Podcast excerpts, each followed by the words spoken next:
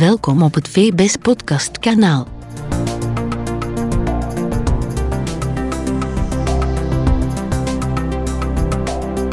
Voordracht professor Dr. Bart Leroy.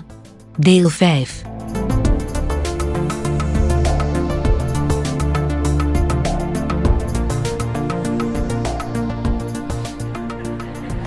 Goh, probleem is, het probleem is als ik dergelijke dingen doe, dan heb ik een wachtlijst die zes maanden verlengd. Hè, dus dat is gewoon reëel zo. Dus ik ben natuurlijk ook niet... Ik ben 53 jaar, ik, kan, ik heb recht op mijn hartinfarct. Morgen kan ik doodsteuken. Ik ga dat, mensen zijn ervan gechoqueerd als ik zeg, maar eigenlijk mag ik niet de service oftalmogenetica in België afhankelijk maken van mijn persoon. Dus ik heb drie briljante collega's drie dames die opgeleid zijn, ook in oftalmogenetica, een heel stuk door mij, maar ook elders, die ook services geven zoals ik dat doe. Dus dat hangt niet alleen van mij af. U moet niet bij mij komen, u kan ook bij een van hen gaan. Ehm, en die personen, net zoals ik, wij gaan u onderzoeken. Dat duurt lang. Wij, dat is gelijk een markt. Wij hebben altijd, zijn altijd overboekt. Dus boekt u een halve dag en denk niet dat het gelijk bij de coiffeur is. Je gaat niet buiten gaan als je denkt dat je gaat buiten gaan. Wij doen ook doorgedreven onderzoek. En wij leggen u dan altijd uit, bovenop de oogziekteproblematiek, leggen wij u uit wat kunnen wij doen van screening. En als we dan iets gevonden hebben genetisch, dan leggen we u dat ook uit. Wat doet dat gen? Wat betekent dat? Wat kunnen we er nu praktisch mee doen? En alleen al dat, naast therapie, is bevrijdend. Een beter weten waarover het gaat, is toch bevrijdend. We hebben nu onlangs bevestigd gekregen dat het effectief juist is. Dus het is een opluchting dat we weten dat het dat is. Inderdaad, dan, dan hebt u closure. Hè?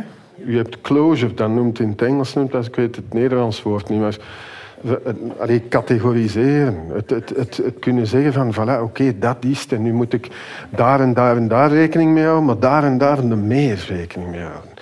Bijvoorbeeld bij LCA, er zijn mensen die nierproblematiek doen. Er zijn mensen, inderdaad, maar ik praat niet over een specifiek syndroom voor anderen. Maar er zijn mensen die nierproblematiek doen als je bijvoorbeeld een RP65-genmutatie vindt als basis van een LCA, dan weet je, je moet nooit naar je nieren laten kijken, want die hebben nooit nierproblemen. Als je een CEP290-mutatie hebt, moet je dat jaarlijks doen, want die hebben nierproblemen. Zeg maar, mevrouw. Ik heb twee kinderen met retinitis Uh, moeten ze dan allebei een DNA-analyse laten doen? Of is het sowieso hetzelfde van en dat ze allebei hebben? De vraag, eh, de vraag is, twee kinderen in een gezin, één eh, persoon heeft de analyse, is er een nood om de tweede persoon ook de analyse te laten hebben? Ehm, de, vraag, de, opmerking is ja, best. Um, en de reden is, uh, ik zoek altijd naar meer zekerheid.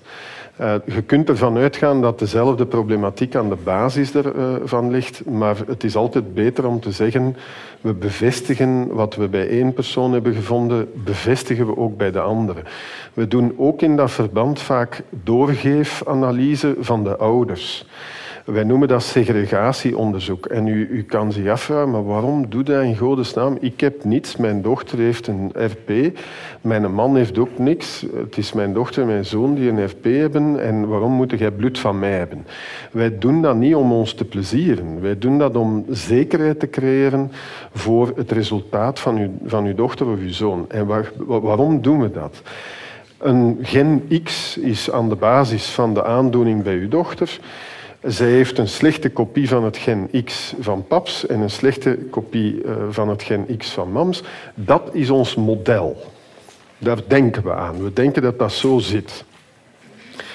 Als ik dan dochter analyseer, dan analyseer ik gen X daar, dan analyseer ik gen X en dan zie ik twee fouten in gen X. Maar wat ik niet weet, technisch, is of één fout op de ene kopie zit en de andere fout op de andere kopie. Ik weet dat niet. Ik kan dat ook niet weten, technisch.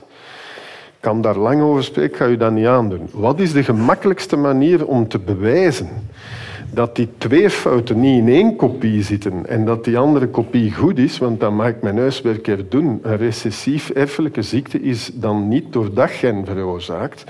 Ik, moet, ik wil bewijzen, één fout in de een, de fout in de andere kopie. Ik mag uw bloed hebben, ik mag meneer zijn bloed hebben. En ik kijk, ah, zie je, bij mams die fout en bij paps die fout. Ja, jullie hebben twee verschillende genen. Dus dan weet ik zeker, bij uw dochter zal het een op het een, het ander op het ander kopietje zitten. Dus wij doen dat ook, dat segregatieanalyse van, van de, bij de ouders. Dus soms vragen wij een bloedstaal. Kost dat allemaal veel? Nee. In België is, zoals u weet, alles moet u meebetalen, maar het RISIF betaalt het meeste. En dus voor een moleculaire genetische analyse, dat wil zeggen DNA-onderzoek, betaalt u 8,50 euro zelf. Uh, betaalt 160, 360 of 1024 euro. Afhankelijk van het type analyse dat wij doen, maar u betaalt 8,50 euro.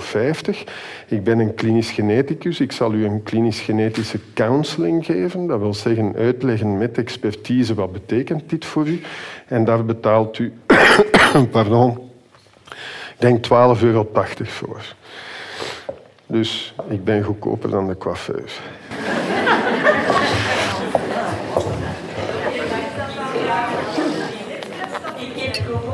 dat ik een afstervend netvlies. Is daar nog een behandeling voor Dus een afstervend netvlies is in principe, als u nog cellen zou hebben en het is een genetische aandoening, we kennen het gen, dan kunnen we eventueel in de toekomst met een specifieke gentherapie voor dat gen redden wat er te redden valt. Als het netvlies te ver is geëvolueerd, kunnen we dat niet. En dan kunnen we eigenlijk in de toekomst met de celvervangende therapie op basis van stamcellen cellen aanmaken die transplanteren en hopelijk een stuk zicht terugbrengen. Dat is toekomstmuziek, maar dat is hoe dat ik er tegenaan zou gaan. Eerst genetisch nakijken. Is dit genetisch? Dan kijken van, kunnen wij daar een gentherapie voor vinden? Is dat in ontwikkeling? En op het moment dat u te weinig cellen hebt als doelcel om gentherapie voor te doen, moet je een celvervangende therapie afwachten. Ik daarvoor naar Gent komen? Ik ben nu in Middelheim ziekenhuis bij dokter Augustinus. Dus dokter Augustinus is in een oogarts die ons goed kent. U moet hem dat eens vragen. Hij kent natuurlijk uw diagnose. U moet die hier niet zeggen voor een publiek. U hebt, ik heb beroepsgeheim, ook naar u toe zelfs. Um, dus u kan dat aan, aan Bert Augustinus zeker vragen. Loont dat de moeite om in Gent even langs te lopen? En uh, hij weet wat wij doen, uh, Augustinus. Dus u vraagt dat zeker eens aan de oogarts. Er waren hier twee vraagjes vooraan, denk ik. Meneer, zeg maar. Meneer met de baard. Professor Leroy, met alle eerbied wil ik u eerst en vooral feliciteren voor deze klaar duidelijke uiteenzetting. Dank u. Dank u.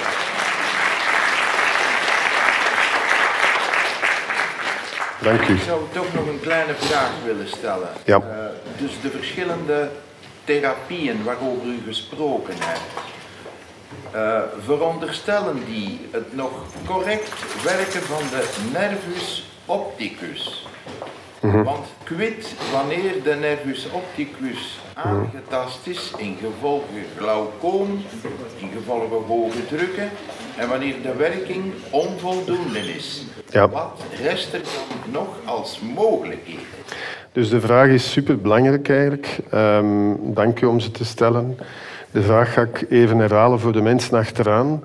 De vraag is, uh, de therapieën waarover u spreekt, uh, celvervangende therapie, uh, de genetische therapieën, de gentherapie, de bionische oogtherapie, wat met de kwaliteit van de oogzenuw. Als er een andere problematiek in het oog aanwezig is, zoals glaucoom of overdrukziekte van het oog, dan is de druk in het oog te hoog.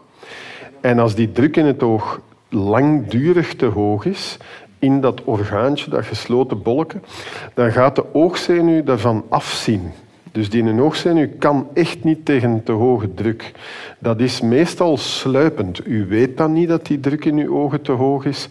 Het is daarom dat wij als oogartsen altijd zeggen, als diensthoofd oogziekte zal ik u dat ook allemaal zeggen, als je 40 bent en meer, is het geen luxe van af en toe bij je oogarts langs te lopen. Hoe vaak? Eén keer op een jaar, één keer om de twee jaar is genoeg. Maar wij testen de druk in het oog standaard. Als die druk in het oog langdurig te hoog is, zal u dat niet voelen, maar u zal dat pas merken op het ogenblik dat er van de oogzenuwstukken zijn afgestorven met voldoende effect op uw gezichtsveld, zodat u tegen een paal loopt. En, en u, loopt, u, doet dus plots een accident en, en u zegt van, wat is dat hier nu? En tegen dat wij dan een onderzoek beginnen, is dat vaak te laat. Dus de opmerking van meneer is, als je een optische neuropathie hebt, een aantasting van je oogzenuw, op basis van glaucoom, glaucomateuze optische neuropathie, wat kun jij dan nog doen, Bart, voor ons? En de short answer is nothing.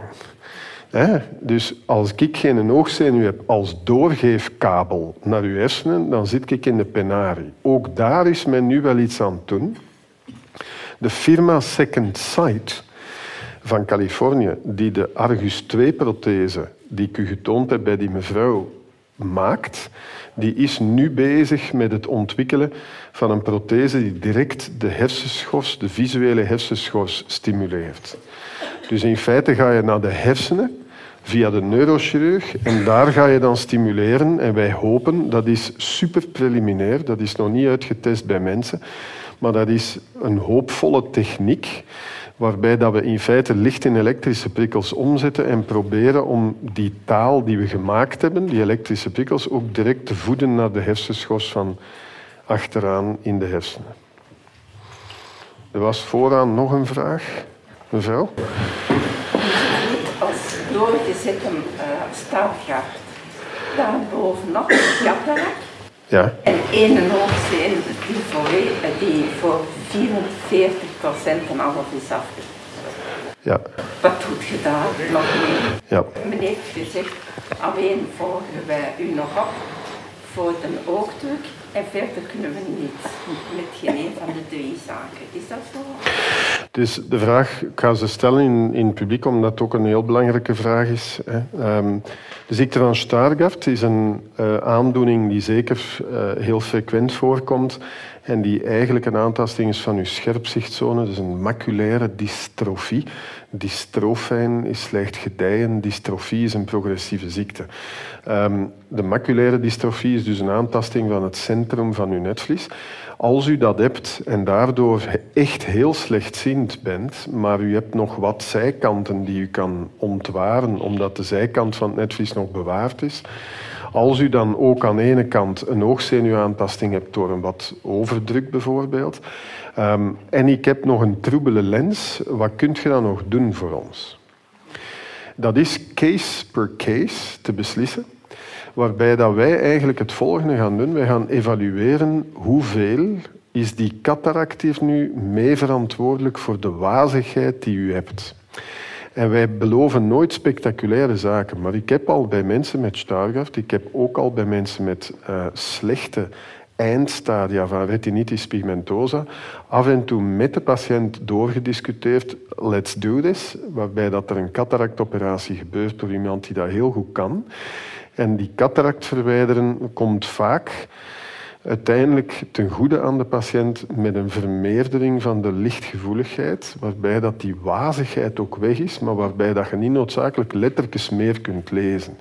Dat is dus met andere woorden, mevrouw, als u mij dat vraagt, dan moet ik u zeggen, dat is echt custom bij u specifiek te evalueren. Uh, ik doe dat nooit, ik opereer zelf niet, dus ik heb geen enkele geldelijk gewin bij of ja of nee cataract opereren, wat dat ook belangrijk is om te evalueren samen met u, doen we het of doen we het niet. Um, en in principe is dat per geval te bekijken. Als dat een superdense cataract is, dan moet die er trouwens ook uit van een superdense ondoorzichtige cataract, dat is een dikke lens en die kan eigenlijk ook voor glaucoom zorgen. Dus die moet er soms gewoon ook uit, uit veiligheid om nog te behouden wat u hebt. Ehm, maar dat gebeurt in Vlaanderen niet vaak. De oogartsen zijn zo actief dat elke cataract of elke zweem van cataract wordt snel geopereerd in België. Um, goed voor ons volk, maar dus vaak als mensen zoals u een dense cataract doen, dan doen wij dat toch hoor. Meneer Centraal. Ja, patiënten in Gent worden die automatisch verwittigd als er een gen uh, voor hun uh, op de markt. Dus, ja, dus um, zijn patiënten worden die op de hoogte gesteld van uh, informatie omtrent gentherapeutische ontwikkelingen. Hè, dat is uw vraag. Um, er zijn een aantal zaken die ik wil antwoorden. Ik zal kort zijn. Eén, u komt langs. Wij doen een genetische analyse als u dat wenst. Uh, die genetische analyse, daarvan moet u resultaat kunnen krijgen. Dus, dus de vraag, tijdens de patiënt, ja. wordt ze dan automatisch? Indien, ja, indien, dus er zijn, er zijn twee niveaus, niet noodzakelijk op uw echtgenote toepasbaar, maar dus wat ik merk nu, is dat soms de patiënt een beetje op zijn honger zit en dat de resultaten niet gecommuniceerd worden. Dat is omdat wij gewoon overwerkt zitten. Wij hebben een ongelooflijke overvloed aan patiënten, maar dat, dat is natuurlijk niet goed genoeg om als uitvlucht te gebruiken, maar het is wel een realiteit. Dus ik zeg aan alle patiënten, als ik u beloof op zes maanden of op een jaar, afhankelijk van de analyse, gaan wij iets weten en u weet dan niet en u krijgt een factuurtje van 8,50 euro van het UZ, dan moet u weten, wij mogen maar factureren als we resultaten hebben. Dus als u een klein factuurtje krijgt, weet u dat Bart het resultaat zou kunnen gekregen hebben, want het labo heeft afgewerkt. En dan vraag ik aan de patiënten, wilt u ons actief contacteren alstublieft, want wij doen ons werk niet goed om het u te communiceren. Dus het meedelen van resultaten, steekt u een nek uit en vraagt op een vriendelijke manier door te bellen of te mailen. Dat komt altijd op mijn bureau terecht en vragen ze, Bart, wat moeten we daarmee doen? En zeg ik, uitnodigen. Goed, alle patiënten die wij kennen zitten in databases die via GDPR-regels beschermd zijn enzovoort enzovoort. Ik vind elke patiënt terug. Dus als er morgen een therapie is die voor de ziekte van Stargardt spectaculaire resultaten uh, heeft, of voor een vorm van RP, ik vind de mensen. Hoe denkt je dat ik de patiënten in de studies heb gevonden? Omdat ik dag één begonnen ben met een database. Dat is verschrikkelijk veel werk. Ik doe dat nu niet meer zelf. Ik heb andere dingen te doen. Maar in het begin deed ik dat zelf. In Philadelphia doe ik dat nog altijd zelf. En ik zit dus in een tabelletje in te vullen. De achternaam, de voornaam, de geboortedatum, de diagnose. Wanneer zijn ze geweest? Wat is het gen en de mutaties? Ik vind die terug. Anders zijn in het eilen bezig. Hè. Um, ik heb RP en mijn uh, eh, RP is een onderdeel van een... Uh, uh, van de Bilo. Ja. Um, en dat is dus voorgekomen uh, doordat mijn beide ouders uh, een fout hadden op een. Mm -hmm. um, en mijn nummer van Gen is onderzocht, maar um, dat was nog niet echt gekend. en ik vraag mij ook af of dat het dan zo'n meervoudige fout is waarover dat u sprak daar straks. En als je niet de, ja, dezelfde fout had, dat er niets aan te doen valt, of dat er toch aan de RP op zich misschien iets te doen is. Dus BBS of Bardet-Biedl syndroom is ook een groep van aandoeningen. Um, de genen die bekend zijn, zijn nu op dit ogenblik 15 verschillende genen. Um, het is steeds veroorzaakt door twee fouten, één in elke kopie van het bewuste gen. Uh, indien we het gen nog niet gevonden hebben, wat doet u dan best? Af en toe bij mij langskomen. U zit dan voor mij en u bent mijn probleem. Dat wil zeggen, ik moet voor u werken. En dan kijk ik voor u specifiek op dat moment, kijk ik van waar staan we hier voor mevrouw? Uh, en als ik zie van, tja, we hebben dat hier nog altijd niet gevonden, we hebben dat en dat en dat en dat al gedaan, dan kijk ik, ik kan u verzekeren, genetica is een domein in evolutie. Uh, daar kan ik vandaag dingen doen die ik een jaar geleden niet kon doen. Qua analyses. Dus ik vraag vaak aan mensen.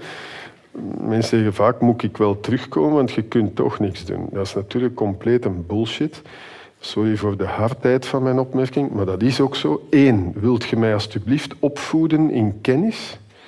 Want doordat ik veel patiënten zie, kan ik aan de ouders van een pasgeboren BBS-patiëntje zeggen wat dat ze gaan moeten voorzien als problemen. Dus ik ben opgevoed doordat ik jullie mag zien. Dat is zo. Exposure, exposure, exposure. Blootstelling, blootstelling, blootstelling aan ziekten maakt van mij een goede dokter. Dat is één zaak. Ten tweede, je zit in mijn, in mijn stoel en jij bent mijn probleem en ik moet daar helpen. Dat confronteert mij met van alles en nog wat voor u. Ik zit continu van alles te doen en dus jij focust mij op uw probleem en ik kan zeggen, ah, die analyse die is juist uitgekomen, kan ik dan een keer proberen. Dus eigenlijk wil ik voor jou vinden welk gen het is en ik zal werken totdat ik het heb. En soms duurt dat tien jaar tegen dat ik het heb. Ik heb nog niet zo lang geleden een moeder opgebeld die een blinde zoon had ter wereld gebracht. Ik maak de diagnose en tien jaar nadien vinden wij mutaties in een nieuw gen. Ja? En ik bel die mevrouw op en ik zeg, mevrouw, ik denk dat je een keer moet langskomen met uw man, want ik heb het gevonden. En die zei, ik dacht dat je mij al lang vergeten waart. Ik begrijp dat natuurlijk wel, maar die mevrouw is ondertussen moeder van een niet-blind kind. Dus we hebben, dat, we hebben dat leren kennen. Dus kom langs en kom die mijn weg zitten, dan kan ik u helpen.